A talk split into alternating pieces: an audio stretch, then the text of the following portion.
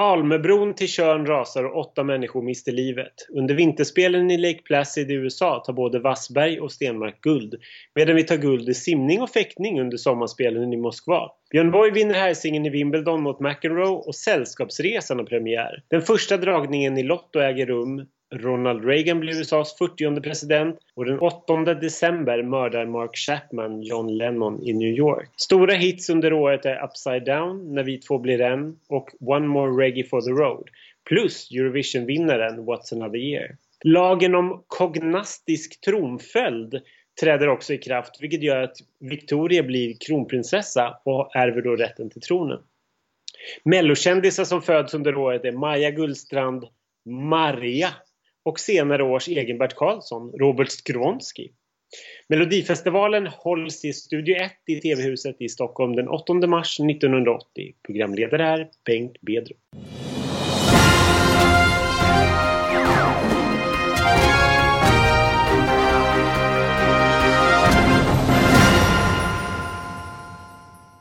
Allihopa och välkomna till QX Schlagerprofilernas podcast. Podcasten som den här säsongen tar upp en Melodifestivalfinal eller en Melodifestivaldeltävling i varje avsnitt. Och vi som gör det här, vi är QX Schlagerprofiler med Ken Olausson och Ronny Larsson som alltid. Och Ronny Larsson som alltid.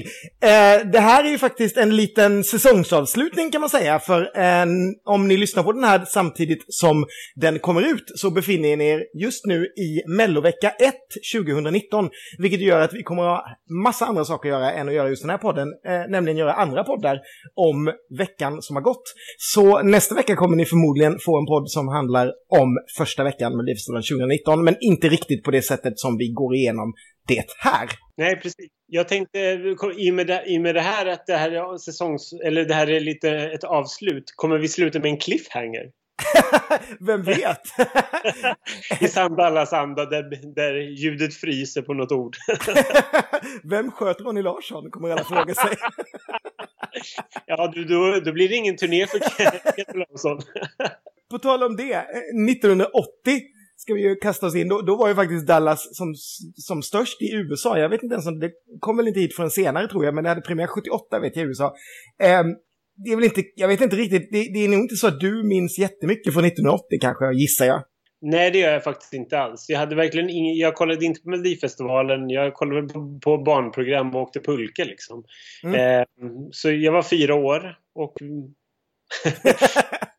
och, flyttade från, från Rinkeby till Upplands Väsby. Så det var från, från en hård förort till en annan. Um, så jag minns faktiskt ingenting av det här året, vilket ska bli jättekul att uh, prata om. Ja, men precis. Jag, jag minns ju inte heller eh, speciellt mycket. Jag har ett jag har ett litet märkligt Eurovision-minne från det här, vilket är jättekonstigt. Eh, men jag var ju sju år då, så jag, jag Eh, ska väl liksom kunna ha minnen, men jag menar, jag kommer ju knappt ihåg vad jag gjorde igår, så det, det, är inte jättekonstigt att jag inte minns massa saker. Men jag minns att jag såg Eurovision, att jag vaknade dagen efter och frågade vem som vann, för jag somnade såklart innan det, och mina föräldrar visste inte vem som hade vunnit. Det visade sig att de hade liksom bara tittat tills jag somnade, för jag var så intresserad, och sen hade de stängt av liksom. Så de hade ingen aning om vem som vann.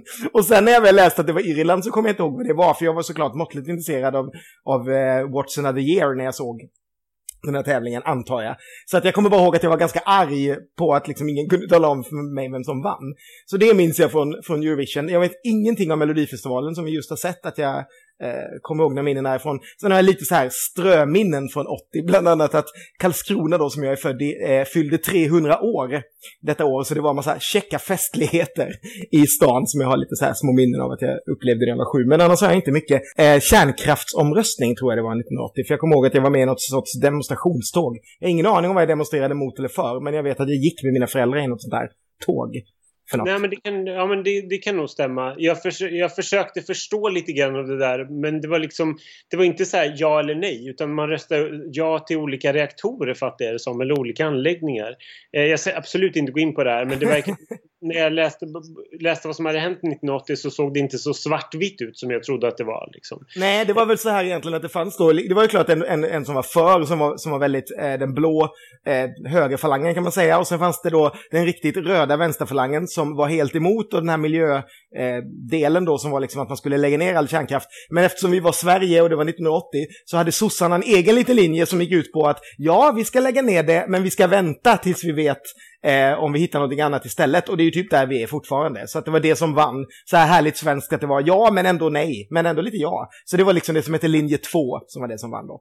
Så det ja, jag kommer ihåg det för att jag pluggat på det efteråt. Men det hände i alla fall 1980 också. Jag tycker vi lämnar allt annat om 1980. Vi kommer inte ihåg någonting då. Jag tycker vi kan kasta oss in i det här härliga eh, starten på 80-talet. Vi har ju faktiskt inte gjort någonting så här långt bak i den här poddserien. Vi har varit ganska långt fram på 2011, men 1980 är ju det som är absolut längst bak. Så vi får väl se hur det går om vi kan eh, lyckas sparka upp något eh, intresse när vi väl kör igång här nu. Um, Ja, vad tycker du? Ska vi köra? Har du hittat någonting i tidningarna vad man hade snackat om innan? Mm, ja, det skrevs ju inte så mycket om det här innan. Alltså tidningarna ser ju fruktansvärt tråkiga ut på den här tiden måste jag säga. Det är ju inte så här, man skriver ju absolut inte upp festivalen på något sätt utan man skriver om det lite grann samma dag, eventuellt i TV-tidningen då som kommer ut, kommer ut den här veckan. Just det här med att Kenta skulle vara med verkade ju vara en stor grej i alla fall så det uppmärksammades ju rätt friskt men man betygsatte inte låtarna eller någonting sånt. Så att det, var, det var inte så, så märkvärdigt. Det skrevs desto mer om när, när vi hade fått ett, ett resultat liksom då är det väl inte så mycket annat att göra än att kasta oss rakt in i den här eh, faktiskt direktsända finalen. Eh, den hade varit förinspelad två år innan, så det här var första gången man direktsände på väldigt länge. Och det märks lite att man, man tycker att det är något ganska häftigt med direktsändning på något sätt. Att, att de, liksom, SVT klarar av en sån tuff grej. Eh, Ja, det är roligt med Bengt Bedrup som, som också lovar då i sändningen att vi lovar, vi ska direktsända även den stora finalen. Ja, det är härligt. Och det, det börjar så härligt också. Det är lite så här anspråkslöst föröppning, alltså innan det börjar med så här lite bingolotto-musik. Och det är lite så här barstämning med så här piano och lite avslappnad Bengt som sitter på en barstol och hälsar välkommen. Och, och också väldigt så här härligt könsnöjd, eh, liksom trevligt säger att segrarinnan eller segraren i den ordningen också. Så inte bara segraren av tävlingen utan segrarinnan eller segraren ska tävla då i Haag med 19 andra länder eh, den 19 april. Precis, då var det ju stor Eurovision-tävling. Um, men eh, jag vet inte, jag, jag, är lite skeptisk till den här. Det är en lite märklig start. Och sen är det liksom, det är som, det är som du säger då, den här cocktailmusiken då. Och så får vi se, Kjell, det är Kjell Öhmans orkester. Det var väl han som hade Skansen för jättelänge sedan? Ja, det fick möjligt, ingen aning. Ehm, men, och sen är det det här vanliga jävla musikgotteriet över hur härligt det är med liveorkester. Och så ska Anders Berglund ta plats igen liksom på ett eller annat sätt. Det, det här, det, jag, jag förstår inte det här gottandet i liksom att åh vad härligt att någon kan ta några toner på ett piano. den här, här är det verkligen liksom värsta vältrandet som du säger i den här, att det är, att just är livemusik. Det här, det här är ju första gången som Anders Berglund presenteras, det är första gången man har, eh, eller kanske inte som han presenteras, men det är första gången man hade samma dirigent till alla bidragen. Innan hade man ju precis som man hade Eurovision ganska länge, att varje bidrag hade sin dirigent. Eh, och att det var så här olika, men, men här är det då samma. Och då ska han liksom, som du säger, då ska de gå igenom hela orkestern. Eh, så här, oh, det här är liksom pianisten och där sitter du och där är härliga killen på gitarr och det här liksom helt fascinationen av synthesizers som är så här, oh, kolla där, vad häftigt och modernt med liksom, och sen så, han som sitter på synten gör något så här riktigt elektroniskt ljud och Bengt Bydrup ska man verkligen kunna sjunga till det där. och likadant så här, och högst där uppe, där sitter det ett skatbo och så är det kören. Som är med Karin Glenmark och Anders Glenmark.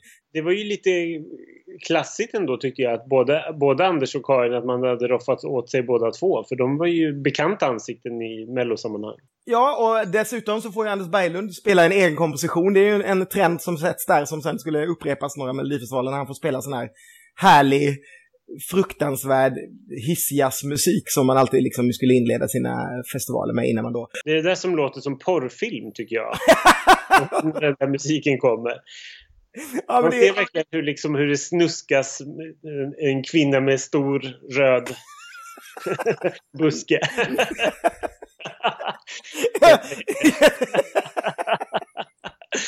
Och en man med...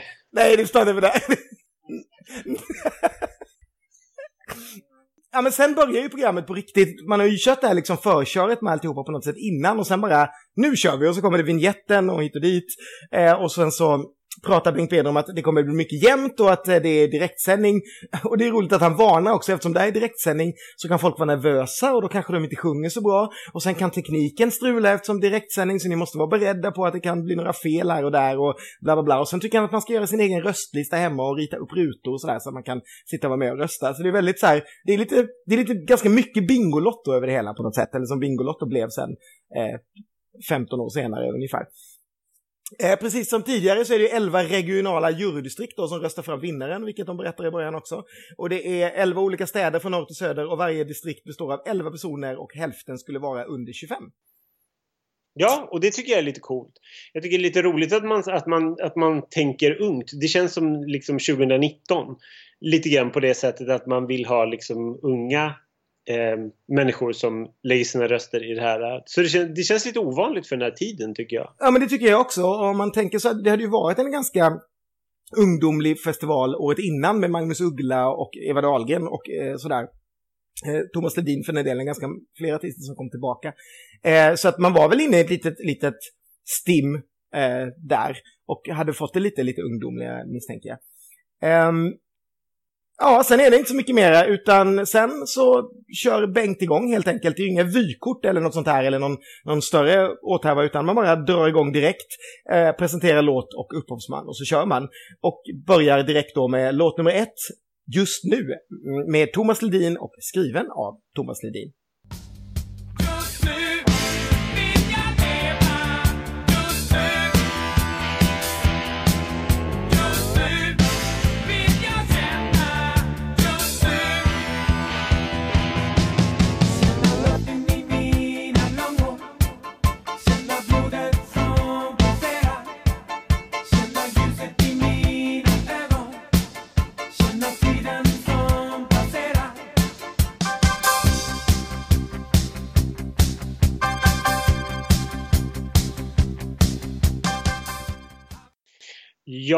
Eh, och det känns ju eh, lite kul att man börjar med den här låten på något sätt. Eh, jag tycker ju att... Jag blev besviken när jag såg det här för jag tycker att den är... Jag tycker inte att han är så bra. Jag tycker inte att låten är så bra i det här sammanhanget. På senare år när jag hört när jag varit på konserter med honom då har jag liksom gillat den här på något sätt för att publiken går igång så mycket på den och han går igång ganska mycket på, på att få publikens respons. Så jag har nog tyckt att den var lite mer rimlig än vad jag upplever i det här programmet för här tycker jag att allting bara blir larmigt och slarvigt och lite gapigt och lite övertänt. Jag är inte jättepigg på den här eh, det här framträdandet. Nej, Nej, men jag, jag håller med dig här, eh, den här läderkostymen. Eh, det man ser, om jag ska säga något positivt, så ser man ju att han har en, ganska bra scenvana. Det var ju femte gången som han har varit med i Melodifestivalen. Så han var ju rena liksom Jessica Andersson vid det här laget. Eh, och det ser man ju på något sätt, men jag kan också tycka som du säger att det känns lite övertänt det, det, jag måste säga är att det jag blev förvånad av, för jag, jag håller med dig, det här är verkligen ingen favoritvinnare. Jag, jag skulle nog säga att om någon hade frågat mig, eh, eller om någon frågar mig så tror jag att jag skulle nämna den här som en av de sämre vinnarna vi har i Melodifestivalen. Om, om jag räknar kanske från, ja, men från 80 och framåt om man säger. Det, jag, eh, men, men däremot så tycker jag att själva liksom arret i programmet gör att jag tyckte den var lite bättre. Vilket är precis motsatt mot vad jag alltid brukar tycka. Att det är så här, poplåtar blir fruktansvärda med orkester. Men när jag lyssnade på den här så tycker jag att den, Rutger Gunnarsson faktiskt, lade jag märke till, som hade arrat den för orkester. För det står ju alltid med här också. Tycker att den är, är ganska bra i live, att det är så lite roliga stråkar och ljud och att, liksom att man använder orkestern på ett kul sätt för att göra låten bättre än vad jag egentligen tycker att den är. Um, sen så tror jag att jag, jag förstår precis vad du menar också, för att jag tror att jag inbillar mig att den här är sämre än vad den kanske är, bara just för att jag tycker att den inte passar in liksom i raden av svenska vinnare. Jag tycker att det borde varit något annat där på något sätt. Jag tycker att den är lite för, ja men både som Ledin-låt och som Mellolåt så är den lite för lite. Det är verkligen ett femte försök på något sätt. Mm. Eh, förstår du vad jag menar? Ja, absolut. Jag tycker det är en lite konstig, det, är en konstig vinnare det här året tycker jag. Vi kommer ju till det längre fram, de andra låtarna som är med, men jag tycker inte riktigt att den förtjänar den här vinsten. Nej, absolut så är det. Det, det är nog verkligen så här för lång och trogen tjänst, känns det som, på något mm. sätt. Eh, att nu får vi väl snart få igenom Ledin liksom också. Å andra sidan ska det ju sägas att jag kanske inte är någon jättefa- något jättefan av Ledin på den här tiden. Jag tillhör ju den skolan som tycker att Ledin gjort betydligt bättre musik på senare år än vad han gjorde här. Det är inte så att jag har jättesvårt för Hollywood och Mademoiselle och... Sensuella Isabella. Ja, nej, det är inte riktigt min påse. Så får, får inte glömma att jag eh, senare i år dyker upp i en mycket stor roll i en Thomas Ledin-musikal. blink, me, blink and you miss me kan jag säga. Men, men ähm, ja, då kanske man får eh, omvärdera de här tidiga, men annars så håller jag nog med dig lite. Eh, så. Ja, jag vet inte, det är inte mycket mer att säga om Ledin. Vi får ju en anledning att återvända lite senare i programmet till honom. Men eh, nej, jag är, jag är, inte heller helt nöjd. Men, men en kul liten öppning. Um, sen så berättar ju Bengt Bedrup att det har väl inte lyckats gå någon förbi att, som följer denna tävling att Stall Marianne i Skara har fått med fyra bidrag i denna tävlingen. Eh, det är faktiskt väldigt sällan man nu för tiden pratar om hur många låtar skivbolag har fått med i tävlingen, eh, alltså i programmet om du förstår vad jag menar. Vi brukar ju veta, ja, Universal har så här många och sådär för att vi hänger runt med dem. Men det, man säger ju aldrig i sändningen, men vi, på den tiden så var det verkligen så här, ja, nu har Marianne fått med fyra och Bert och Bert har så många med och liksom, det var ju inga problem att prata om det på något vänster. Nej, det är, det är lite märkligt. Det hade varit väldigt märkligt idag om det hade tagits upp liksom. Ja, om, det, om, om vi inte tänker på Melodifestivalens årskrönika som var en enda lång reklamfilm för skivbolaget TEN. det var en timmes fri reklam för Ola Håkansson. Men, men annars så brukar man inte prata så mycket om, eh, om skivbolag. Men det här var ju liksom startskottet för hela 80-talets melodifestival på något sätt vad gäller liksom eh, Stallmarianne. Man ser ju en mycket, mycket nöjd och mycket ung Bert Karlsson halvligga över en stol i början och eh, ja, sätter tonen för att se dryg ut på något sätt för all framtid. Um, ja, och här inför låt nummer två så nämner man även att Torgny Söderberg är den flitigaste textmakaren detta år. För låt nummer två heter Tusen sekunder. Den framförs av Paul, killen som tidigare hette Paul Paljett men nu bara kallades för Paul. Och den är skriven av Britta Johansson och Torgny Söderberg.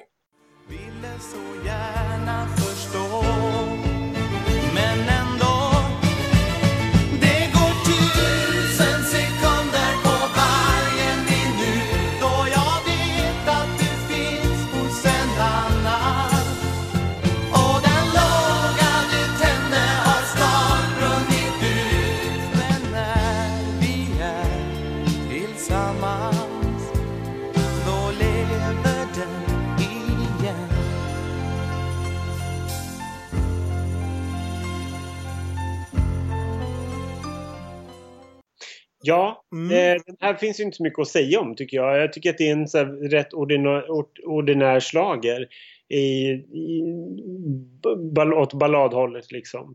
Eh, han har ju, vi kan väl säga att eh, Paul Salin som han hette under senare år när han deltog i Melodifestivalen var betydligt roligare. än, det, än det här. Det här, nej, det här, var, det här var ingen favorit för mig. Jag tyckte att det, det kändes väldigt anonym bara. Däremot så fanns det någonting i, i melodin men det, det, på något sätt så, så bara pålade det förbi. Ja, och det roliga var att när, när jag såg den här nu eh, häromdagen så tänkte jag så här, gud ja, ja, den här känner jag igen, jag har nog hört den här och började fundera så här på om det kunde vara, för att ja men vi lyssnade ganska mycket på så här radio hemma liksom när jag, när jag var liten, eller morsan köpte så här kassettband, du vet, på eh, bensinstationer och farsan de körde i bilen eh, och så. Men sen insåg jag att nej, det här var ju för att du och jag och ett gäng kompisar för ett tag sedan röstade på olika deltävlingar och då så hörde jag ju den här igen för bara några, liksom, för något år sedan kanske. Det var därför den där, liksom själva reflängslingan satt kvar i mitt huvud. För det är som du säger, det är en ganska, alltså, det är en väldigt anonym låt. Det är väldigt mycket start nummer två. Och det här är väl lottat, så det var ju ganska roligt att det här är verkligen ett start nummer två som ligger på start nummer två. Um, Annars så noterar jag att han har väldigt, väldigt 80-talskläder. Det har de ju faktiskt allihopa. Det här grönvitrandig sjömans t-shirt som är väldigt djupt urringad. Ser man ju väldigt sällan på eh, den här typen av artister nu för tiden, ska jag gissa. Nej, det kanske kommer tillbaka när vi minst av allt anar det. typ. Um, äh, vi, vi lämnar Paul Salin slash Paul Paljett slash bara Paul. Um, Trollhättans egen Gary Glitter som Bengt Bedrup också kallar honom. Och går vidare till någon som var mycket mer omtalad och som du nämnde tidigare, nämligen låt nummer tre. Utan att fråga med Kenta, skriven av Peter Ström, Bo Rosendal och Kenta Gustafsson. Men är drömmen kanske för stor När man söker efter det man inte vet Kanske gör man ett fel när man tror Att man kan få ha sin egen verklighet. Utan att fråga finns ingen chans att få ett svar. Utan att fråga dröjer sig ovissheten kvar. Men är drömmen kanske för stor när man söker efter det man inte vet Kanske gör man ett fel när man tror Att man kan få ha sin egen verklighet. Men är drömmen kanske för stor När man söker efter det man inte vet Kanske gör man ett fel när man tror Att man kan få ha sin egen verklighet.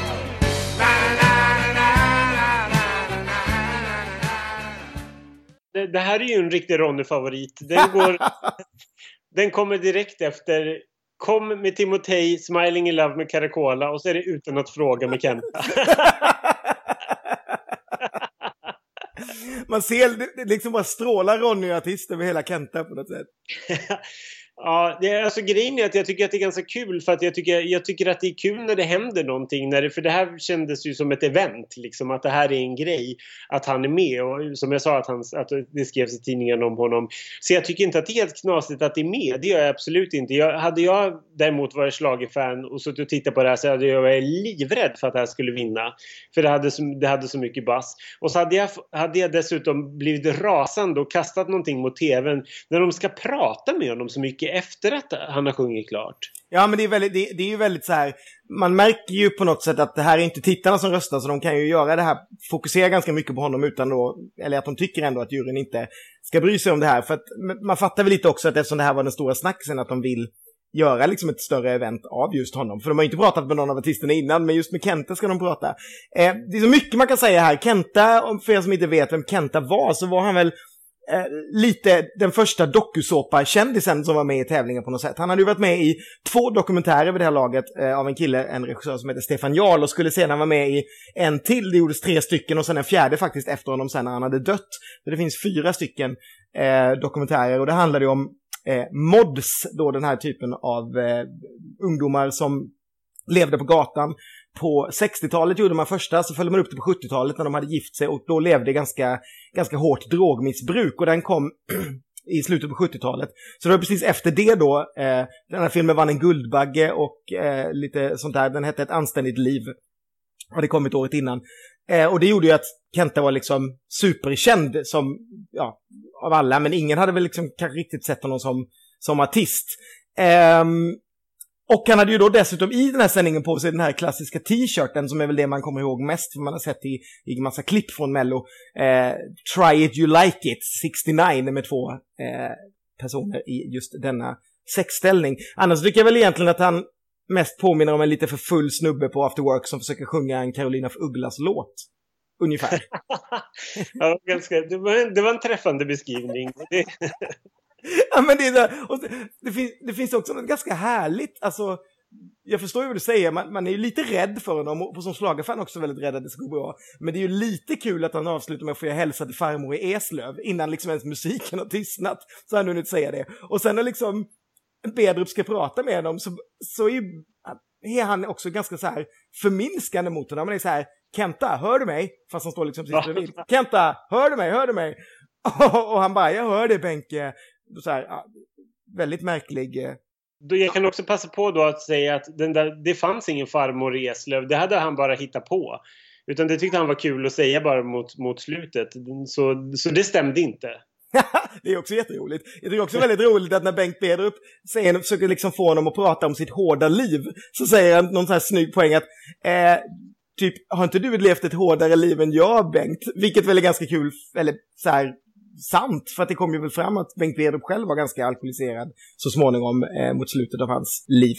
Det märks ju att det här är lite kultgrej, för det bryter ju av väldigt mycket mot om den här slimmade festivalen som hade fått så mycket kritik under 70-talet och ABBA och hela kittet liksom. Här kommer ju verkligen den här eh, mods-grejen liksom in i festivalen på något sätt. Och man, samtidigt så känns han ju inte på något sätt så här eh, som, som att han larvar bort så man larvar bort det på något sätt. Det känns ju väldigt som att han menar det han sjunger och så vidare. Det är ju inte så skoj, alltså på skoj på det sättet om du förstår vad jag menar. Det är inte så att det känns som att han, eh, sen kanske han inte känns som att han skulle vilja vinna, men det är ju ändå så här, ja, det är som du säger, det har ju verkligen sin plats i tävlingen. Liksom. Ja, det är kul när Bedrup frågar om han vill, om han, ja men ska han bli artist nu eller någonting? Och där han säger att han vill bli blåbärsplockare istället. tycker Kenta verkar skitkul. Han är jätterolig. Han får verkligen inte Bedrup får verkligen inte ur ett enda vettigt svar från honom. Vilket, vilket på något sätt är lika, lika underhållande som det är provocerande. Precis. En, en klassiker på, på många sätt. Eh, och ja, låtmässigt, om jag ska säga något mer. Ja, jag, jag tycker att det är okej. Okay. Jag tycker ju verkligen inte, alltså kultstatusen är ju så självklart liksom Kenta mycket, mycket mer än, än låten, måste jag säga. För att det är en okej okay låt, men det är, inte, det är inget wow eh, för min del heller. Från flaska till flata. Låt nummer fyra, Jag ger mig inte, sjungs nämligen av Eva Dahlgren och är skriven av Eva Dahlgren.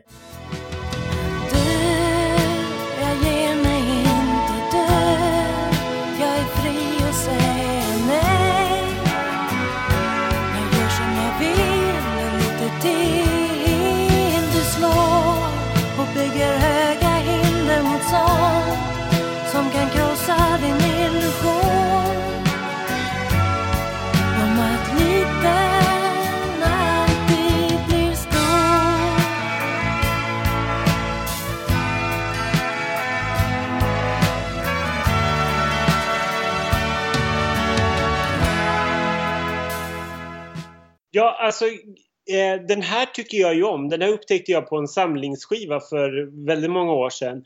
Och jag gillar ju den här. Jag tycker att det är en, en på något sätt så är det här en klassisk slagballad tycker jag. Mm. Den har liksom den här, den är ganska lättillgänglig, ganska, ganska så här mysig och enkel och så med, med snygga stråkar och så. Eh, så jag gillar den här jättemycket. Jag tycker, jag tycker faktiskt betydligt bättre om den här än den hon tävlade med året innan. Eh, däremot tycker jag det är jätteroligt att hon ser så himla eh, trumpen ut. Och just den här ledsna minen som hon avger mot slutet av låten, den, det, är en, det är verkligen en klassiker. Hon bara tittar verkligen så här supertruligt in och ledset in i, in, in i kameran liksom. Eh, sen ska man också ha i åtanke att Eva bara var 19 år när hon gjorde den här. Det tycker jag är ganska, ganska gulligt ändå. Det är ju skithäftigt. Nej, hon är verkligen poster girl för arg flata hela vägen. Hon ler inte en enda gång. Hon ser så arg ut hela tiden. Men jag håller med dig, jag tycker också det är en jättefin låt. Och det är faktiskt en ganska så stark text om man lyssnar på den. Som, som ju går liksom eh, och koppla till säkert hur det är att komma på att man är flata 1980. Skulle jag säga. Alltså det, den är ju väldigt så här, jag ger mig inte, jag står för det jag är och he hela den här grejen. Vilket ju kanske ingen liksom eh, förstod då, men, men om man lyssnar nu så är det nog ganska tydligt att hon redan då visste vem hon var och eh, vad hon ville säga. Sen är det ju lite gulligt med den här gräddlila färgen som är överallt, den här gräddlila byxdress och härligt hemmanentat hår på en barstol liksom. Det är så jättegulligt allting runt omkring, ser ut som en liten muffins och sen superarg verkligen. Jätte... Nej, också lite kul att låten eh, arrades av Anders Glenmark som inte bara stod i kören utan som sen skulle typ arra eh, producera alla hennes eh, största hits. Ja, men verkligen. Jag undrar däremot, är barstolen liksom eh, 80, tidiga 80-talets svar på vår tids dansare?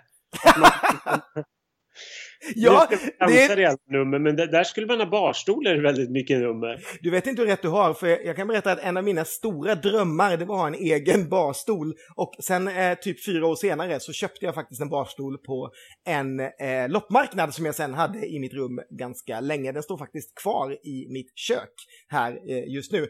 Eh, jag har ännu inte köpt någon dansare som jag kan ha hemma, men det är nästa steg. Edin Jusuframic. Han står i mitt kök och väntar. Åh, oh, gud. Um, ja, nej, men den här, den här gillar vi. En, två tummar upp från schlagerprofilerna till Eva Dahlgren kan man säga. Absolut. Ja, och eh, efter Eva så går vi till eh, vinnaren från året innan faktiskt, eller den regerande mästaren i slagesång som Bengt Bedrup kallar honom. Det är nämligen dags för Ted Gärdestad tillsammans med Annika Boller. Låten heter Låt solen värma dig och Självklart är den skriven av Kenneth och Ted Gärdestad.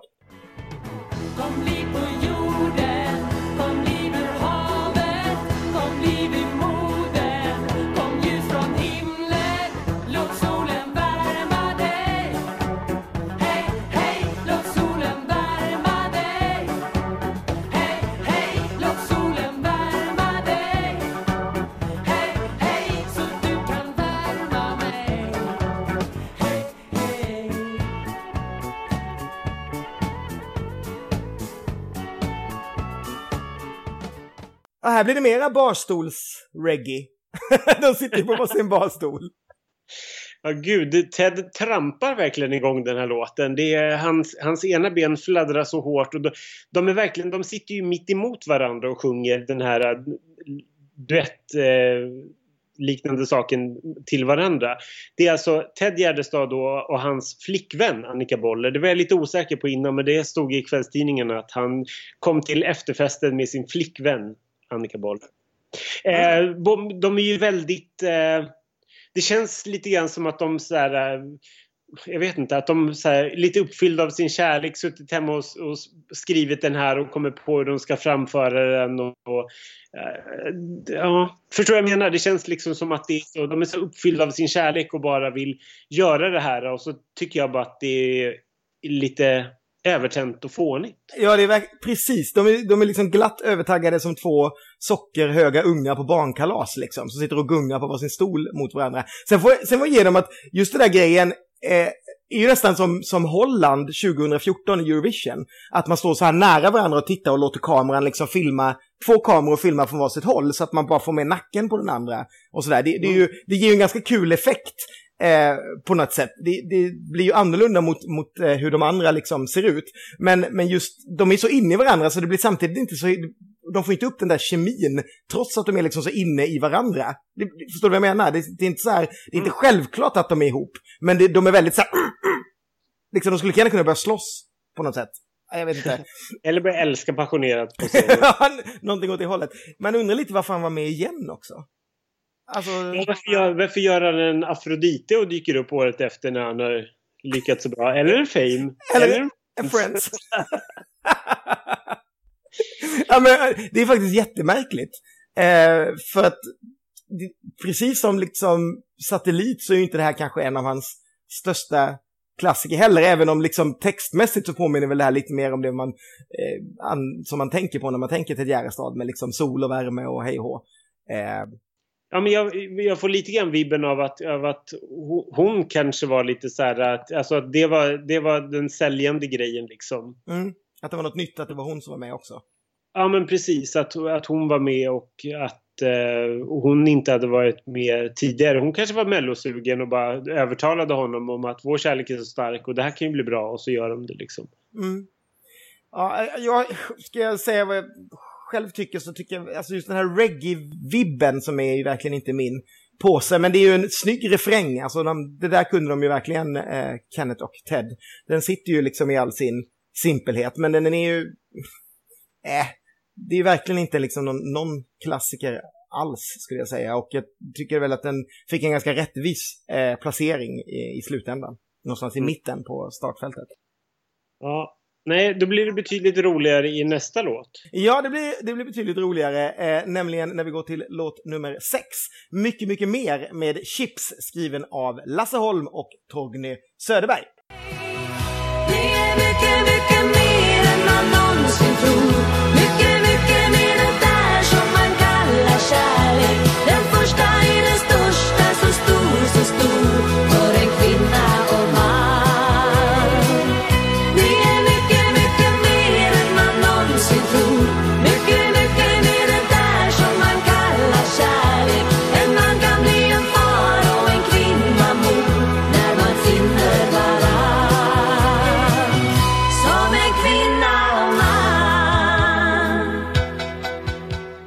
Ja, Mats peta in en pinne i brasan Rådberg är ju med i Chips.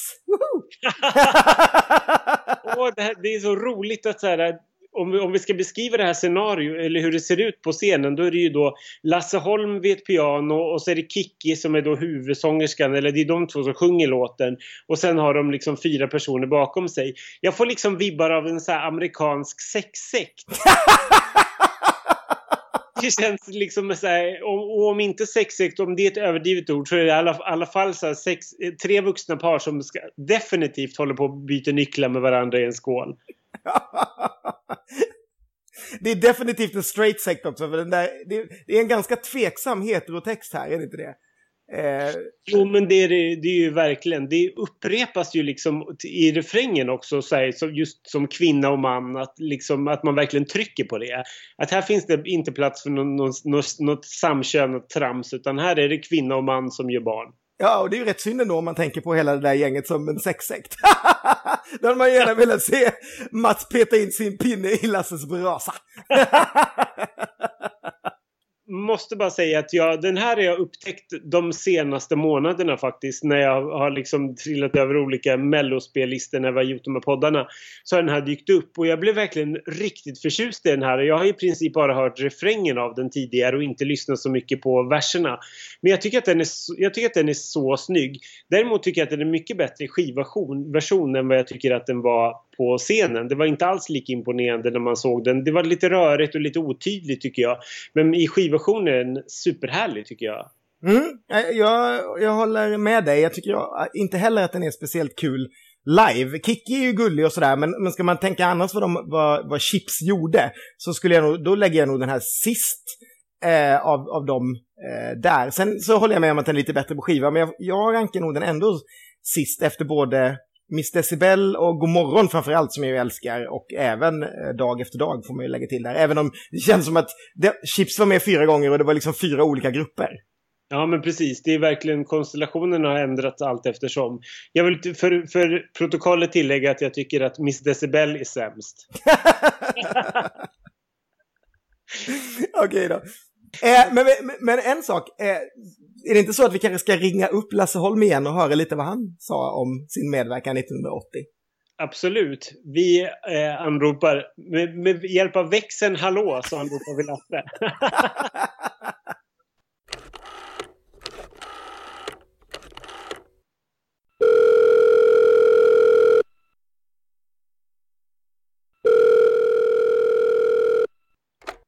Nej, 1980 så, så tävlade du med, med mycket, Växeln. mycket mer. Ja, Växeln. precis. Växeln Hallå kom ju tvåa såklart och är en stor Ja, klassiker. Men mycket, ja. mycket mer som kom fyra här lyssnar väldigt mycket på. Hur, eh, hur växte den fram? Den är, den är en väldigt rolig text. Tack för att du säger det. Jag har fått så jävla mycket stryk för texten. jag hörde något radioprogram med, med Anneli Rudé och sa det. Det här är en jäkla bra låt men den här jävla texten är ju förskräcklig. och jag, jag måste hålla med henne idag. Alltså den är ju förskräcklig.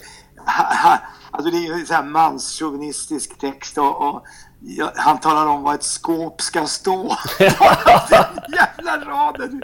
Det var Torgny Söderberg och jag som satt och författade. Men alltså på engelska var den demon skitbra.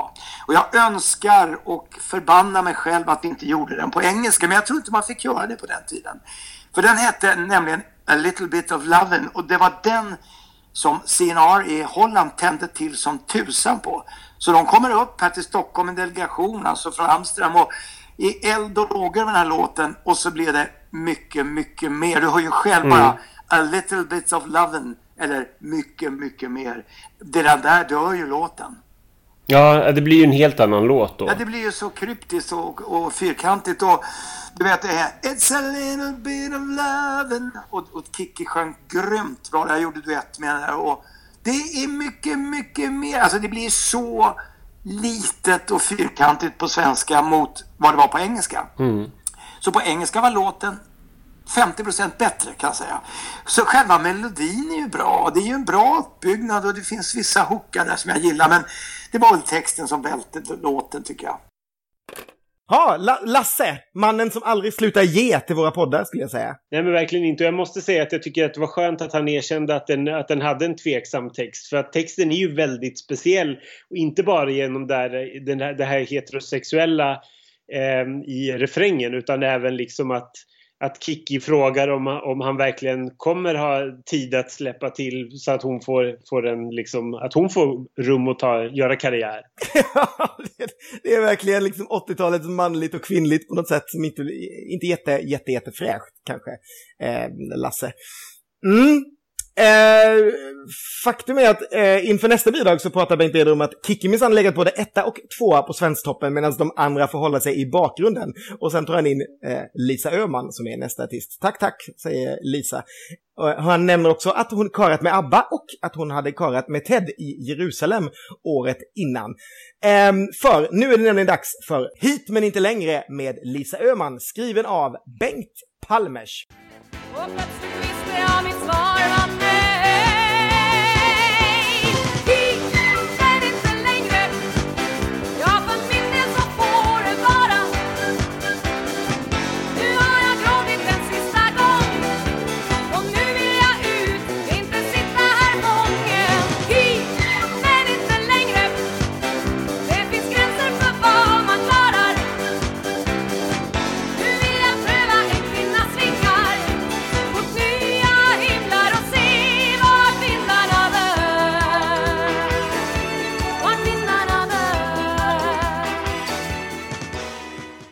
sjunger första delen till Bengt Bedrup. Han blir liksom en del av rekvisitan, vilket man ju väldigt sällan ser i Melodifestivalen nu för tiden också, att programledarna får vara med lite i eh, låtarna.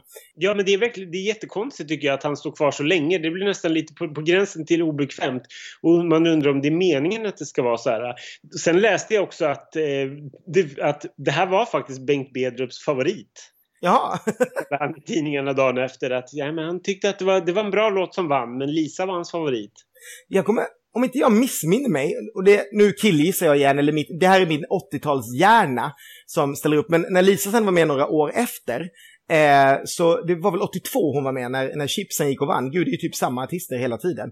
Eh, då var Bengt också inblandad på något sätt i eh, före för att han, eh, han fick i ett kuvert lägga in vem han ville skulle vinna och sen efteråt sprättade de upp och då hade han gissat på Lisa Öhman. Jag vet inte varför det här sitter så. Jag tror det var för att jag tyckte att Dag efter dag var så bra och så rätt vinnare så att jag inte förstod att någon skulle kunna tycka någonting annat. Eh, men på något sätt så sitter det här. Det skulle lika gärna kunna varit någon annan som hade gjort det där kuvertet. Men på något sätt har jag alltid fått för mig att det var Bengt Bedrup. Så nu när du säger det här, det, hade Bengt Bedrup en liten fling med Lisa Öhman som vi så här i efterhand nu har forskat fram? Vem vet? Ja, eller han var kanske i alla fall betuttad i henne. Jajamän, i sin, eh, vad, var det, vad är det han kallar henne, sin Doa-tjej. Han intervjuar nämligen efteråt och, och, då kommer det fram att hon inte blir kallad för Doa, vilket är ett ord man hör väldigt sällan nu för tiden. Men jag skulle gilla om de presenterade Melodifestivalens Doa-kör. Åh, vad roligt. Drömmen är att få vara Doa i kuliss. ja, nej, men tillbaka till, till eh, Hit men inte längre, för den kan man ju inte prata för eh, mycket om tycker jag.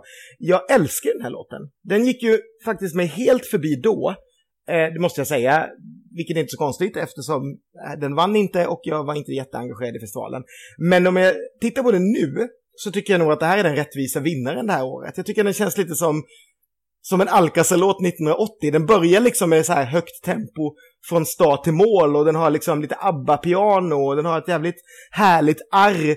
Och hon har ju liksom, det finns ju någon sorts star quality i henne. Det, det är någonting med henne som känns så här, varför hände inte det där liksom? Jag tycker att hon har någonting som borde gjort henne lite lite större än vad hon, hon blev. Och sen är det ju en sån här härlig svensk I will survive-text med att hon ska pröva en kvinnas vingar och jag följde dina steg och jag dansade och neg, men nu, liksom. Nej, det här älskar jag. Och så hon gräddlila också, jag älskar att säga gräddlila. Underbar färg.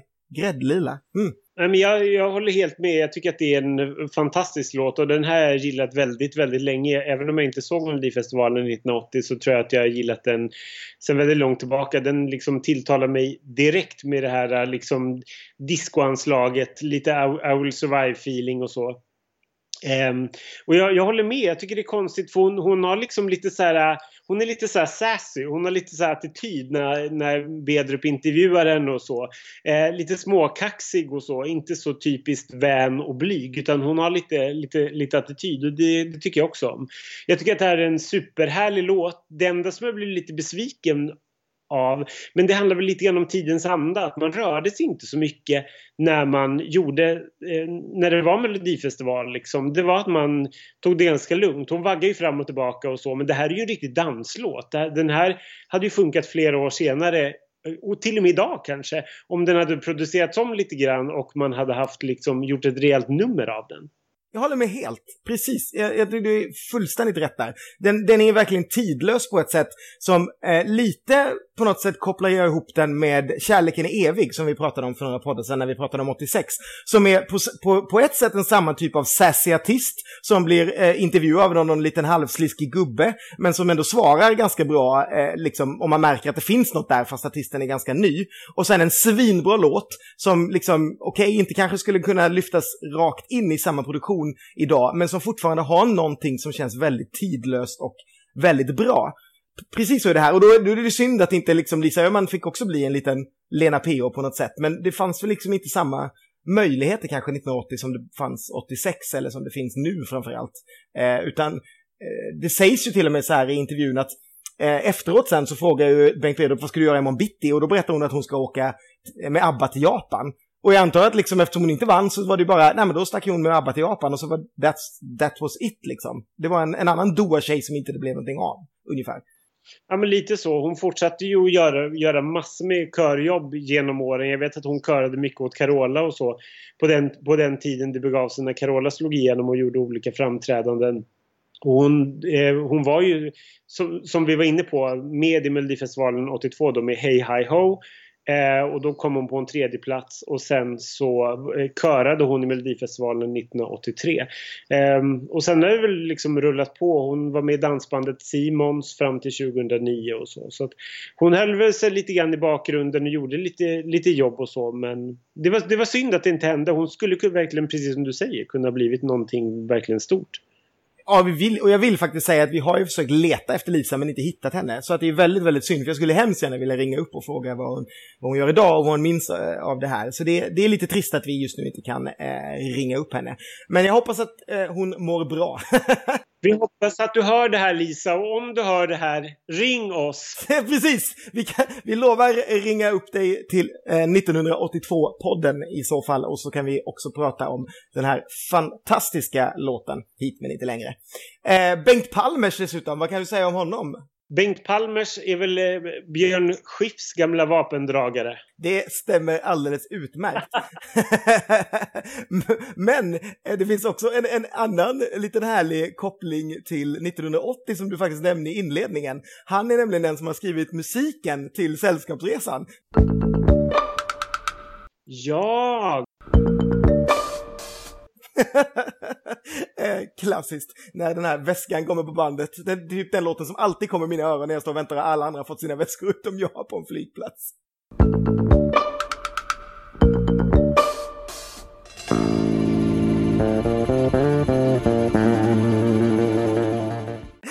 Eh, så det är lite roligt, han hade ett bra år Bengt. Eh, och när vi ändå är inne på folk som hade ett väldigt bra år så kan vi väl hoppa vidare till låt nummer åtta. Den heter För dina bruna ögons skull, den framförs av Lasse Lindholm, men främst är den skriven av Per Gessle och Mats Persson.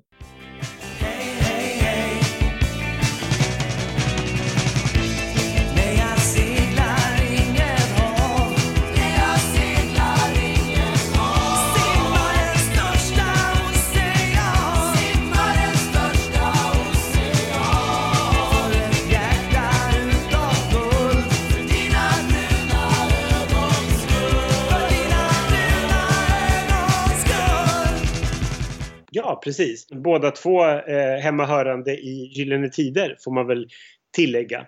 Ehm, det här var väl inte det roligaste det här året. Det här, var, det här tyckte jag bara var så skramligt och eh, jobbigt. det var kul att se Lasse Lindbom som ung, för det hade jag inte sett tidigare. Jag har bara sett honom som han typ alltid har sett ut, tyckte jag, under 90-talet, 00-talet då, som han ser ut nu.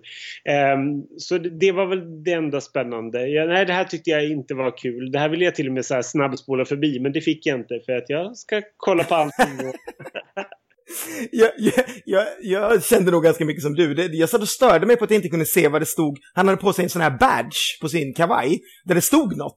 Och jag var så här, vad står det? Var det liksom en kärnkraftsknapp han hade eller stod någonting annat? Men jag, jag, jag har liksom näsan mot tv-rutan och ändå inte riktigt lyckats se vad det stod. Det störde mig lite. Det var, det var inte, liksom inte riktigt fokus på hans badge.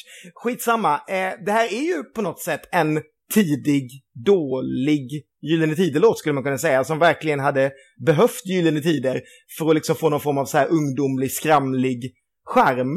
Eh, men det får du ju inte här. För att Lasse Lindbom är inte den typen av artist och även om han ju såklart är mycket yngre eh, här än vad man kanske minns honom. Eh, jag undrar också liksom, det, det nämns ju inte speciellt mycket om Gyllene Tider här, men, men faktum är att eh, flickorna på TV2, de låg etta på eh, svenska singellistan den 22 februari 1980 och det här var ju i början på mars. Så att det, det här borde ju vara liksom eh, precis starten och liksom inte piken men alltså piken på, på den låten.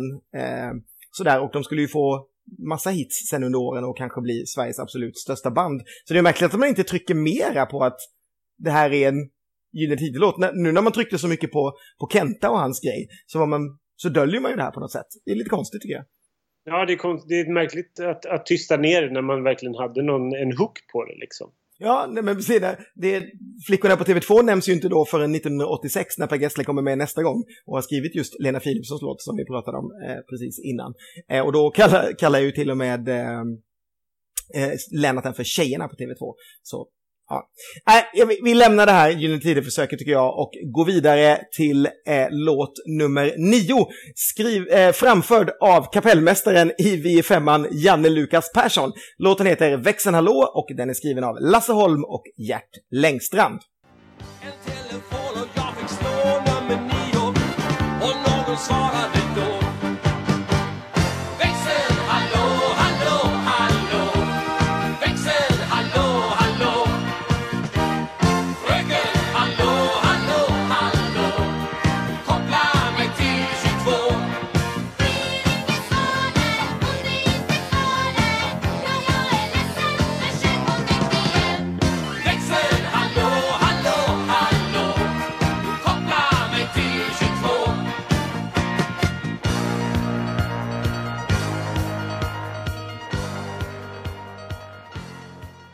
Ja, men det här är ju ännu en favorit för mig, eller det här är i alla fall den låten som jag älskade mest då. Eh, det här var nog den låten som jag kanske tog med mig från tävlingen och som jag vet att jag lyssnade jättemycket på och som mina föräldrar lyssnade jättemycket på eh, när det begav sig. Och jag var väldigt, väldigt arg att den inte vann. Det var kanske därför också som, som eh, Hit men inte längre gick mig så förbi då.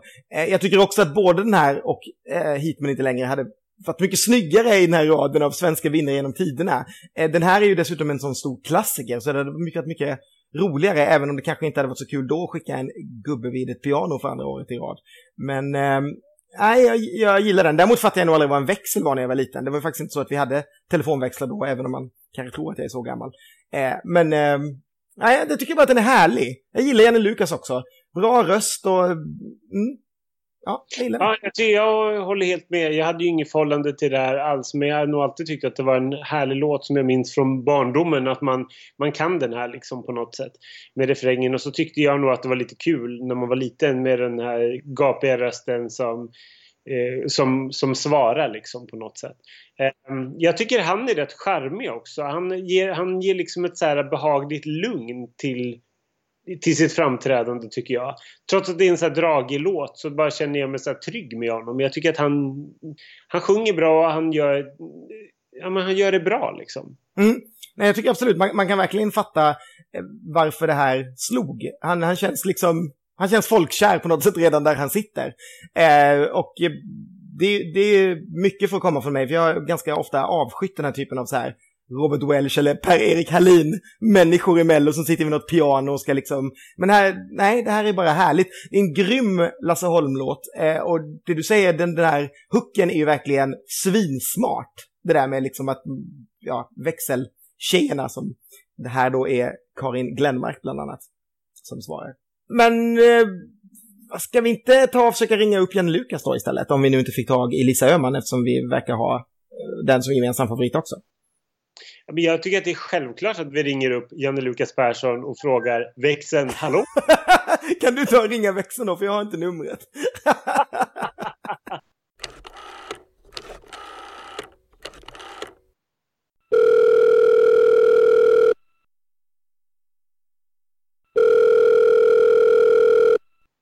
Hallå, är det Janne Lukas Persson? Jajamän. Jajamän, vad härligt! Du, jag tänkte börja med att fråga hur du fick låten. Den är ju skriven av Gert Längstrand och Lasse Holm. Jo, det var väl så att eh, eh, när Lasse Holm och och Gert Engstrand håller på med den här låten så kom jag upp på tapeten. Så jag fick ju en, en demo först med, ja, där man sjunger typ eh, La La La och Sun is shining och sånt där. Och då fanns det inte eh, ordet eller texten, växeln han låg med. Så jag tyckte inte den låten var något speciellt överhuvudtaget. Okej. Men, men sen så kom ju eh, den här klatschen med, med växeln hallå och då, då var det en helt annan låt. Det, det, det hänger väldigt mycket på. Ja. Var, hur, tog det lång tid att få till den, just, just det här svaret som, man, som kören ger? Nej, nej, det, det, det, det kom väl i samma veva. Han hade ju massa förslag Gert. Så, så att det var väl en, en men, vi, vi var ju inte ute i god tid med låten med inlämning, kan jag tala om för dig. Det var, det var på håret.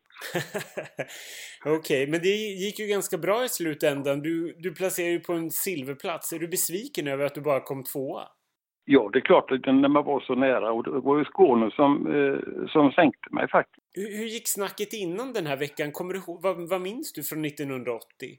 Ja, att vi var där uppe och repade allihopa och, och så att den låg ju väldigt bra till eh, låten. Men den som jag tror att Bert, Bert Stalter trodde på det var ju den med eh, Chips tror jag. Ja, Okej, ja, mycket, mycket mer. Ja, just Så det här var lite grann av en överraskning att, att din låt gick så pass bra? Ja, ja visst, det tror jag absolut. Okej. Ja, vad kul. Vad minns, vad minns du eh, för övrigt om, av de andra deltagarna? Har du något speciellt minne från den här festivalen som leddes av Bengt Bedrup? Eh, Ja, det var väl, ja, eh, Ted var väl med den gången också om jag minns rätt. Det var han, va? Precis. Ted och Annika Boller. Ja, och, och så var Kent, Kent med, väl? Kenta? Precis. Kenta körde ju sin klassiska utan att fråga. Ja, så hade han sin, sin, sin tröja på där det stod 69 och det var ju ett jävla liv om det. Lärde du känna någon av de andra artisterna den här veckan lite bättre? Det, de, de som var i Bert stall, men de, vi kände varandra innan så det var, ja, det, det, var, det var god stämning överlag, det var det faktiskt. Mm. Hade du någon favorit av de andra deltagarna av de andra låtarna?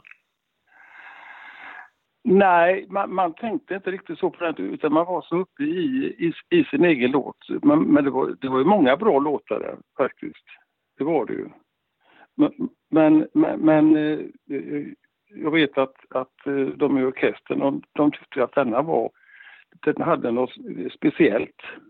Ja, den, den, ju, den sätter sig ju verkligen på en gång. Det är ju liksom en, en omedelbar klassiker. Och det visar sig ju också lite senare att även om den inte vann så blev den ju en stor succé på Svensktoppen och så. Hur var, hur var kommande år där för dig? Ja, det var ju en, ja, det var, man kan säga, det var som att lyfta på locket för att dels så sålde mina skivor eh, om igen och vi spelade in skitmånga så det blev ju rush på det och folkparksturnén kommer jag inte ihåg hur många det var men det var ju ohyggligt mycket. Så det var ju en jädra rush på det.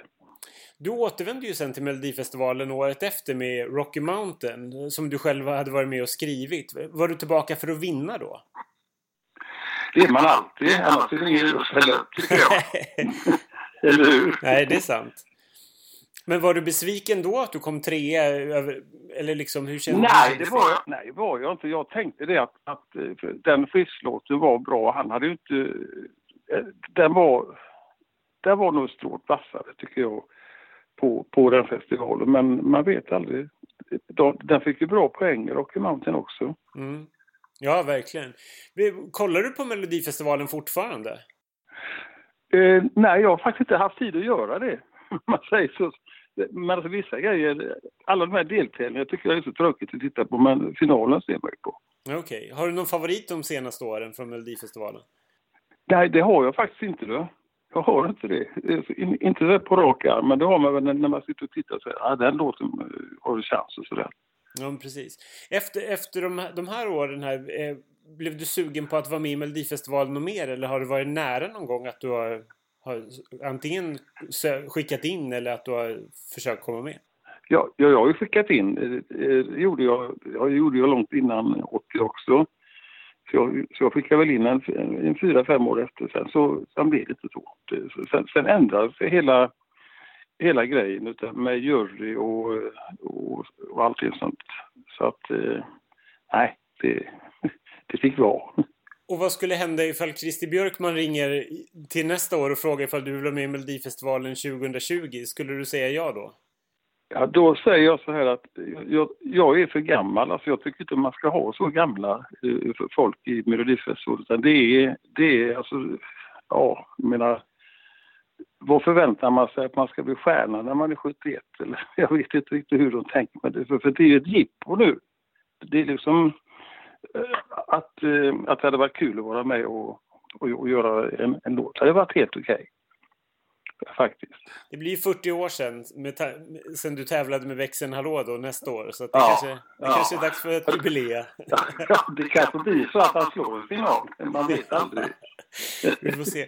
Du, eh, 2008 så spelade du på Stockholm Pride under den här schlagerkvällen som Edvard af Sillén ordnade. Vad minns du från det? Det blev en riktigt härlig kväll för jag var där och jag minns att det var allsång.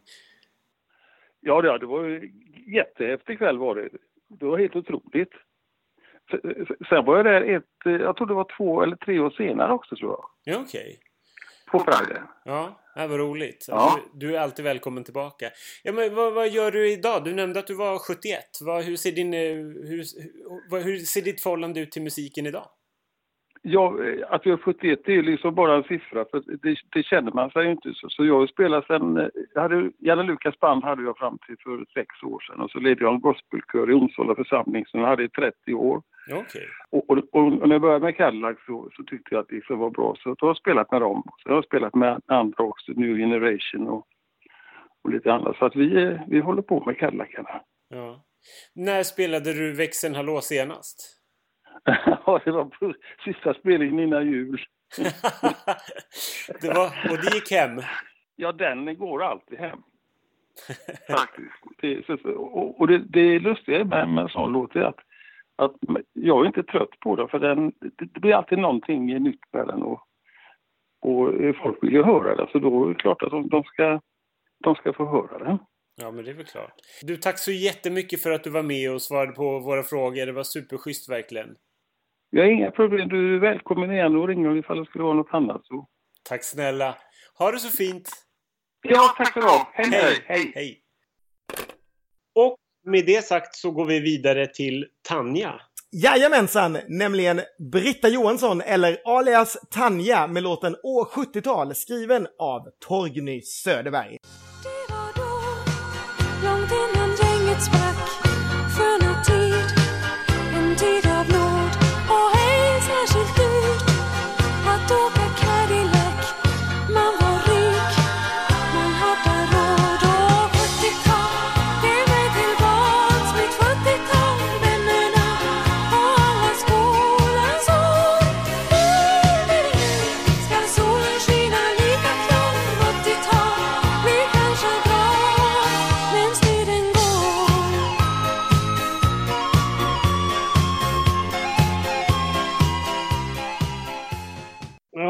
Vem vill minnas 70-talet? Jag skulle aldrig vilja gå tillbaka till 70-talet. Aldrig någonsin känt någon längtan efter det här hemska, det här hemska proggdecenniet.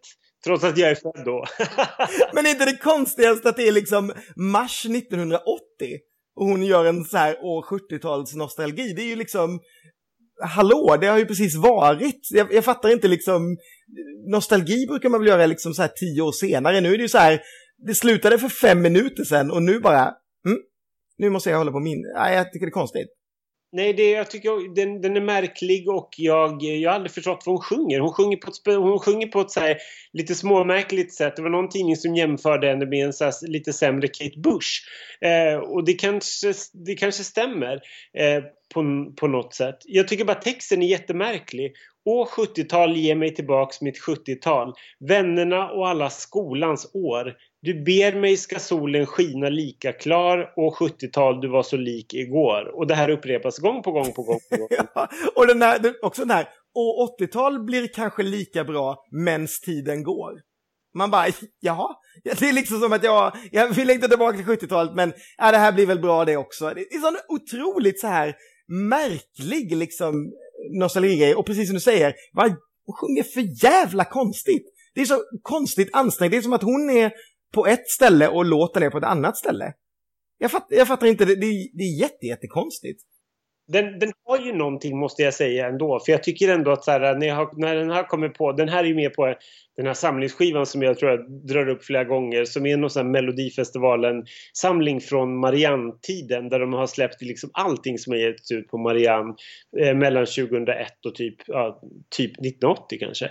Ehm, och då är den här med och den dyker alltid upp och jag sjunger alltid med i den. Jag sjunger alltid med den här rösten som Tanja har. Tanja-rösten.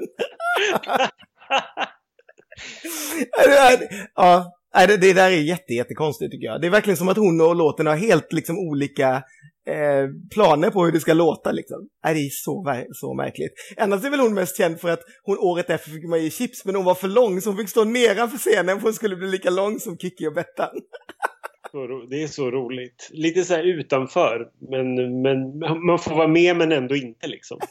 Hon fick ju vara med på Godmorgon i alla fall. Det är ju en, det är en grym låt, men sen blev hon kickad sen till, tills när de, när de gick och vann. Ja, precis. Hon, Ja. platsade, hon platsade inte i tvåmannachips. nej, precis. Ja, nej, ska vi, eh, ska vi lägga på locket där för, för låtarna kanske? Ehm, Vi lägger på locket och så låter vi Bengt Bedrup hålla låda. För det kommer han göra nu efter att de här låtarna har spelats upp. Ja, det kommer jag verkligen göra. Eh, och om han hade varit Tanja så hade han varit nostalgisk över kvällen som gått kanske, men eh, det är han ju inte. Utan han tar alltså en liten paus. Eh, det är också roligt hur det här händer, för att då, då ska han liksom spela lite chockad så här, men vad gör vi nu? Ska juryn tänka? Och så kommer det in en studioman och bara, men Bengt, vi har satt fram en stol till dig, så nu ska du få sitta här och hålla liksom din lilla stand-up show här i några minuter. Och han bara, nej men, nej men ska jag? Tycker ni ska jag? Och så går han och sätter sig där och börjar prata. Och så börjar han då prata, och jag vet inte riktigt hur vi ska Ska vi beskriva det här? Ja men det är så märkligt. Det är liksom så här, det, han berättar som anekdoter som sen blir lite så här kul. Någon, liten, ibland blir det en kul knorr på det. Så att publiken skrattar. Ibland blir det inte det. Då är det att han har stått i liksom... Att han jag vet inte, att han hade någon polare som, som... Det roligaste tycker jag var att han hade någon polare som kallades för Tummen. Bengt Bedrup och Tummen, de satt på, satt på en parkbänk och tjöta. Eh, Det är så mycket små historier som är rätt poänglösa liksom. Men värst av allt är ju liksom när han nämner n-ordet. Då skämtar jag mig hela, hela kroppen. Han återger ju då en, en känd sportsnubbe eller en fotbollsspelare och eh, tv-journalist som heter Putte Kock som var stor för väldigt många år sedan som hade refererat och då under ett referat i tv eller om det var radio nämnt det, förkastliga n-ordet som vi inte tänker säga eh, och att han hade fått klagomål på det från, från högre orter. Men det skrattas liksom åt att man liksom använder det här ordet Det är faktiskt fruktansvärt tycker jag. Alltså det är så här, man, man märker ju, alltså, här, om man inte förstår varför man inte ska använda en ordet så kan man titta tillbaka här och se hur han liksom använder ordet för komiskt. Varenda gång det sägs så börjar folk skratta som fan. Folk tycker det är så roligt med det här ordet. Och han säger det säkert tio gånger. Och, och verkligen drar på ena i ordet också så att det bara ekar i studion. Och det är själva poängen. Så man bara, okej, okay, och, och då ska man veta att han försöker ju ändå inte, han försöker ju, själva skämtet är ju att man inte ska säga det på något sätt. Att Putte Ja. Kock säger det för mycket och, och det ska man ju inte säga. Eh, för att sen blir han ju lite så här att han ska, ja men sen börjar han ju dra upp att han har minsann känt Muhammad Ali eh, också. Och så här, nej det, och det är så konstigt alltihopa. Men jag antar att det här var väl Bengt Bedrups grej att dra liksom sporthistorier för grabbarna. Det var liksom det som var hans kändisgrej då, förutom att han refererade sport, att han kunde liksom, hade träffat så mycket sportfolk liksom. Så att här fick han sina liksom 10-15 minuter göra detta, men usch, alltså tänk, det går, tänk om de skulle försöka köra det här tv-programmet, det skulle bara bli ett enda långt beep. Hela, det bara beep. Och då, och då liksom i det här Muhammad Ali-grejen så används ordet igen liksom. Det är så att man, inte, man, man kan verkligen inte låta bli. Nej, det, det är inte en jättebra smak i munnen, men det är också en ganska tydlig, eh, alltså tydligt hur, hur man använde det eh, på något sätt och hur oladdat det något sätt var för ett kritvitt Sverige och bara liksom vräka ut sig för att det handlade liksom om människor som inte finns här på ett sätt. Eller liksom det är den attityden man har, som att det liksom, det är någonting, nej jag vet inte, usch. Nej den, är- den, är, den är lite jobbig faktiskt, eh, tycker jag. Och det är ver- verkligen inte, det här, du, du är ju inte de två mest politiskt korrekta eh, personerna i världen, eller som stenreagerar, men här vänder det sig i magen måste jag säga. Det här var verkligen osnyggt tycker jag. Mm. Mm. Nej, men jag tycker vi lämnar det och sen blir det faktiskt snabbrepris. Eh, men man har inte riktigt snabbrepris som man har nu, för att så långt har vi inte kommit i direktsändningen 1980 på SVT att man skulle kunna klippa in så att man får se de här artisterna, utan vad man gör är då att man har i alla fall spelat in låten och spelar den och så filmar man artisterna i green room och det här är också lite märkligt. För det är lite precis som att artisterna inte vill låtsas om att de är i bild. Har du tänkt på det? Nej, absolut. Jag tyckte det, det, var, det var dötråkigt att se. Ja, det är verkligen... Man får ingen feeling att bara åh gud, det var den här låten som jag tyckte var så bra. Utan då får man liksom höra låten som man kanske tyckte var bra och sen så får man se en, en relativt uttråkad artist som inte känner sig helt bekväm med att, med att bli filmad liksom under låten. Nej, och sen är kamerorna på så konstiga ställen också. Det är så här att jag har Kenta är typ filmad bakifrån. Så man ser bara hans nacke och sen vänder han sig om lite ibland och bara ja, hej, var ni där? Och sen tillbaka igen. Och då tänker man, ja, ja, det är ju Kenta, han har väl liksom vridit på sig. Nej, men sen filmar de Ted Gärdestad bakifrån också. Så det är bara så här, kamerorna liksom står bara på lite olika ställen och, jaha, nu står jag närmast här, då filmar jag liksom. Jättekonstigt. Och det är precis som du säger, man blir verkligen inte så här, mm, vad sugen jag är på att höra växeln hallå igen, liksom bara för att jag tittar på en, på en superuttråkad människa som ser ut som Gesons pappa som sitter bredvid eh, Janne Lukas. Jättekonstigt. Ja, nej, det, det, det var ett märkligt grepp. Men det var kanske för att man inte hade möjligheten att under direktsändning göra då snabbrepriser. Så då fick man lösa det på det här sättet. Man kunde bara spela musiken. Mm. Ja, men någonting sånt. Eh, och sen blir det omröstning då. De förklarar reglerna igen att 11 personer i varje grupp eh, har gett poäng. Och då var det så att varje medlem var tvungen att ge alla låtar poäng. Och man gör varje låt en etta, en tvåa, en trea, en fyra eller en femma. Eh, och de här 11 personerna eh, röstade då på det sättet allihopa. Och blev det lika så hade man någon form av ja men då var det väl handuppräckning på något vänster. Jag förstår inte riktigt det där du sa, för det, det är väldigt viktigt att det var 11 personer i, i gruppen ifall det skulle bli en omröstning. Så jag, ja, jag vet inte riktigt. Jag tror det var så att om två låtar kom på samma poäng så röstade alla och så var det den som fick flest på något vänster av de två kom liksom överst av de två. Mm, mm, Mm. Jag antar att det var så man gjorde. Ja, sen, det är också väldigt roligt att de berättar att de har en dator som har ordning på allt. Och typsnittet är ju verkligen supergammal ABC80 eh, som dyker upp i rutan också. Det ska väl liksom kännas hypermodernt, men det känns liksom som en gammal miniräknare på något sätt som har liksom... Men det är så roligt att man är så stolt över det här och att man liksom så här emellanåt också bara Trots att det är tio låtar och vi ser ganska tydligt hur toppen ser ut så ska de ändå liksom så här Ska det ändå emellanåt redan efter tredje ru- jurygruppen så ska det bläddras upp av den här datorn då Vilken placering de ligger på. Jag är så stolt över den här sorteringsfunktionen. Det är liksom som att någon i ett Excel-ark trycker på sort och de bara ah, oh, kolla. Eh, ja, vad kan man säga om, om omröstningen då? Eh, vinnaren leder ju från låt 1 egentligen, men det är ju ändå ganska spännande, för det är ju inte en så stor ledning. Eh, utan det, det är ganska spännande och sen någonstans lite längre fram så är det väl eh, typ som att Malmö slänger in bara en fyra då till växeln låt som har legat ganska nära eh, Ledin ett tag och då är väl Ledin liksom klar. Men då, har på annat, då spurtar liksom Lisa Öhman upp och så blir det i alla fall lite kamp om andra platsen Så att lite spänning finns det ju i den här omröstningen även om det är en låt som leder från ruta ett till mål på något sätt. Ja men det, så, så är det ju verkligen och det är ju det är väldigt synd för att det hade kunnat bli en väldigt, väldigt spännande med tanke på att när man ser liksom poäng, poängen utskrivna så, så, så, så skulle det ju kunna vara vinnare både växeln hallå och hit men inte längre egentligen. För att de har ju båda två fått ett par tolver eller hit men inte längre fick bara en tolva av Coola Stockholm då. då. Eh, Medan växeln hallå fick hela tre tolver ändå.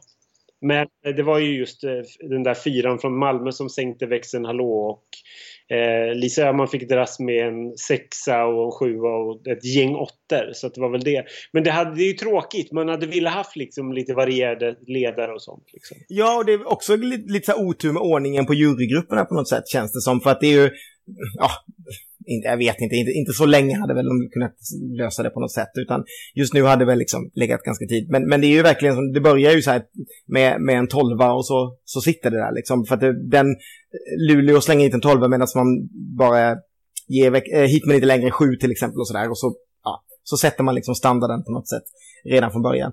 Och det är inte sådär jättestora avsteg heller. Eh, Karlstad ger till Järrestad sin tolva och Falun ger Kenta sin tolva, vilket är ju lite kul. Men annars så hamnar de ju på de här tre eh, eh låtarna då, som du sa innan. Växlarna låg hit men inte längre och just nu precis. Och stackars eh, Lasse Lindboms För dina bruna ögons skull gick det inte alls så bra för. Han fick ju hela sex stycken ettor. Nej, det var, det var inte... Det var, som sagt, det, var, det finns verkligen inte något sånt där vi röstar på Gyllene Tider för att de, den, den vibben finns inte över överhuvudtaget eh, hos jurygrupperna. Nej. Det kunde man ändå tänkt om det var liksom så många människor under 25 som var där så borde de ju kanske ha lite koll på Gyllene Tider. Men det var väl kanske lite för tidigt. Hade man vänt, spurtat fram sex månader så kanske det hade varit en helt annan eh, grej. Eller också så var det verkligen på den tiden så att ja, men låtskrivare, låtskrivare, artister, artister och de, det är det man bryr sig om på något sätt. Coolt ändå tycker jag.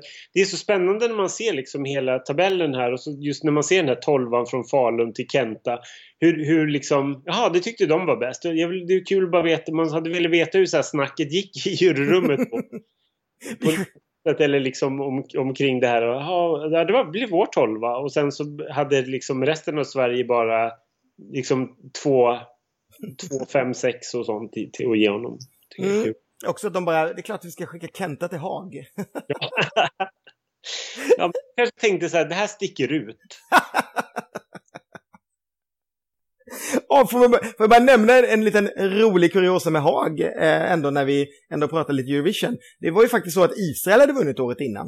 Eh, men eh, tävlingen eh, tog ändå, ägde ändå rum i Holland och faktum är att det är enda gången som ett land som har vunnit året innan inte är med. Eh, för det var inte bara så att Israel inte hade råd att arra det, för det, de hade ju arrat året innan då, för de hade vunnit både 78 och 79, utan det var även så att det eh, inföll då på en, en eh, judisk högtid, vilket gjorde att de inte var med överhuvudtaget. Eh, så att det är enda gången som ett land som har vunnit året innan inte sen fått dyka upp eh, året efter. Mhm. Ja, en liten kuriosa om 1980. En annan rolig grej nu innan vi lämnar det här med omröstningen är att Bengt Bedrup hela tiden säger datan. Ja, ska vi prata med datan? Kan man snacka med en data verkligen? Ja, men nu tycker jag vi ber datan leverera ställningen. Och,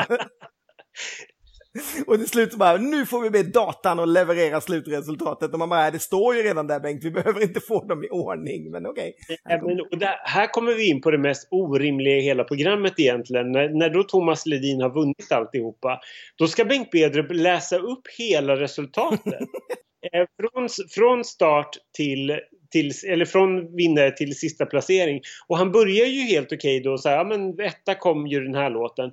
Men sen så urartar det helt och så läser han upp startnumret som han har absolut ingen aning om vilken placering de här låtarna kommer på det är så konstigt. Och så får liksom så här äh, Annika Boller och Ted Gärdestad stad, liksom applåder. Låt nummer två.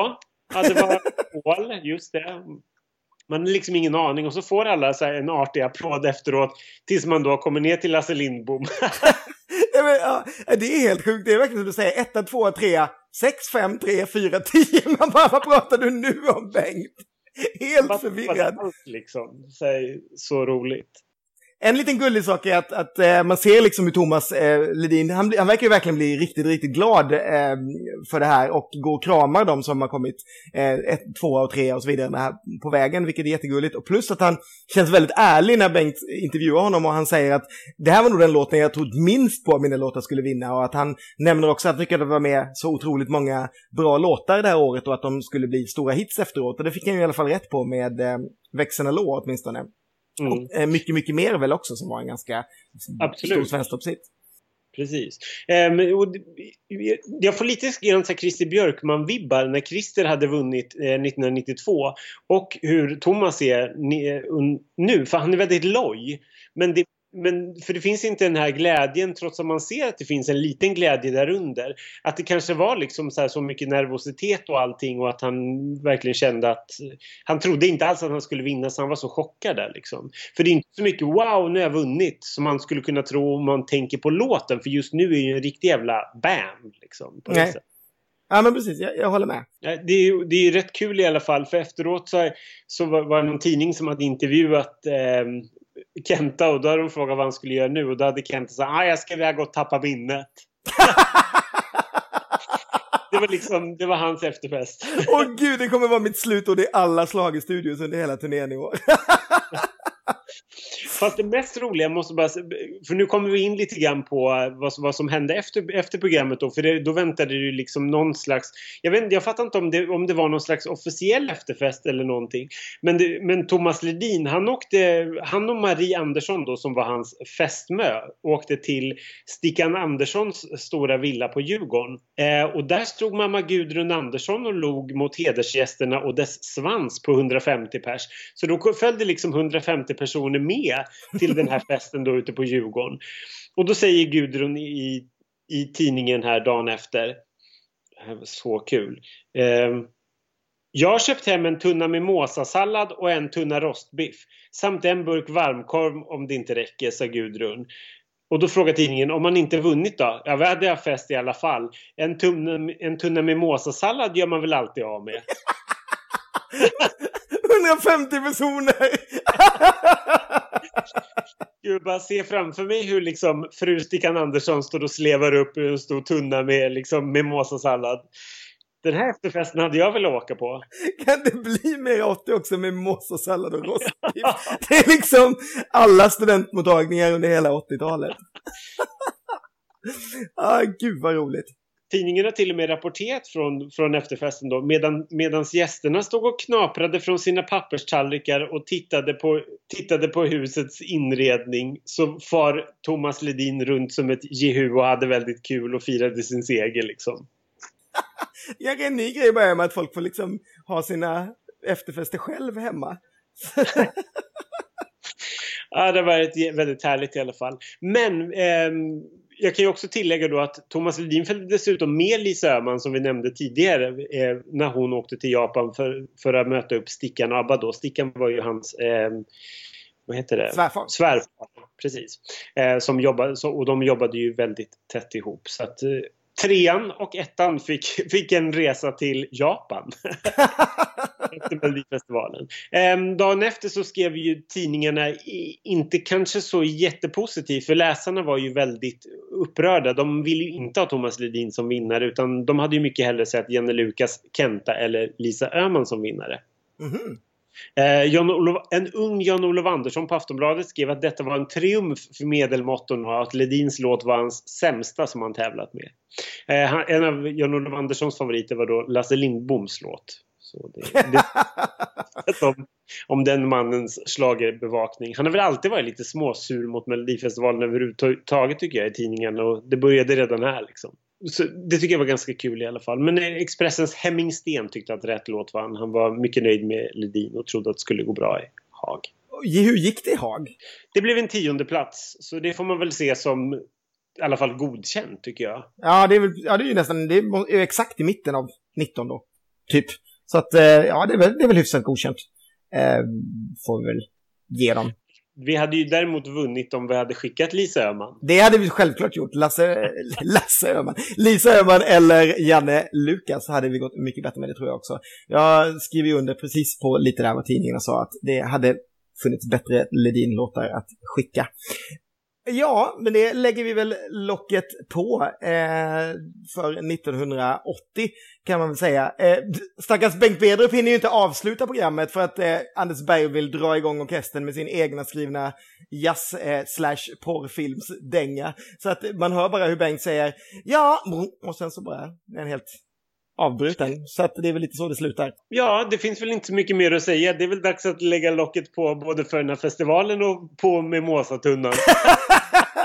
men, men innan du sörplar i din sista rostbiff så vill jag höra din topp tre-lista från i år.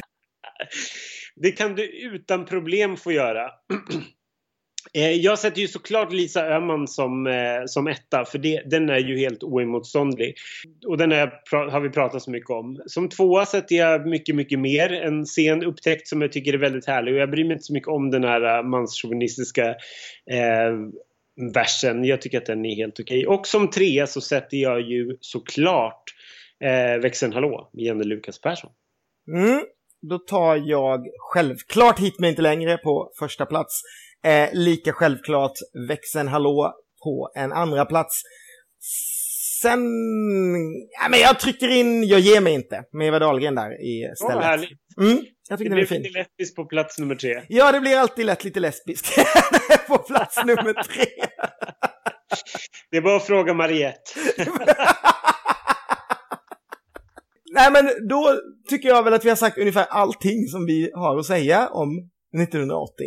Eh, vi får väl eh, tacka för den här säsongen på något sätt. Eh, som sagt så kommer ni att få lite specialpoddar de närmaste veckorna som kommer att handla om melloåret 2019 som nu ligger framför oss. Och sen självklart efter en viss paus därefter så kommer det bli Eurovision-poddar när vi kommer att lyssna på alla bidrag som kommer att tävla i Tel Aviv eh, i maj. Men just den här årskrönikan tror jag vi sätter punkt för här. Håll eh, koll på våra sajter, håll koll på Instagram Instagram, håll koll i bloggen och självklart så prenumererar ni redan på iTunes eller Acast. Eh, men nu säger jag hit men inte längre. Puss och kram, ha en underbar melloperiod. Hej då! Och det var precis det, det jag hade tänkt att säga ifall någon skulle komma fram och ifrågasätta vad vi hade sagt under de alla de här poddarna och vad vi tycker om låtarna. Då hade jag sagt hit men inte längre. det vill jag inte prata om. Hej då!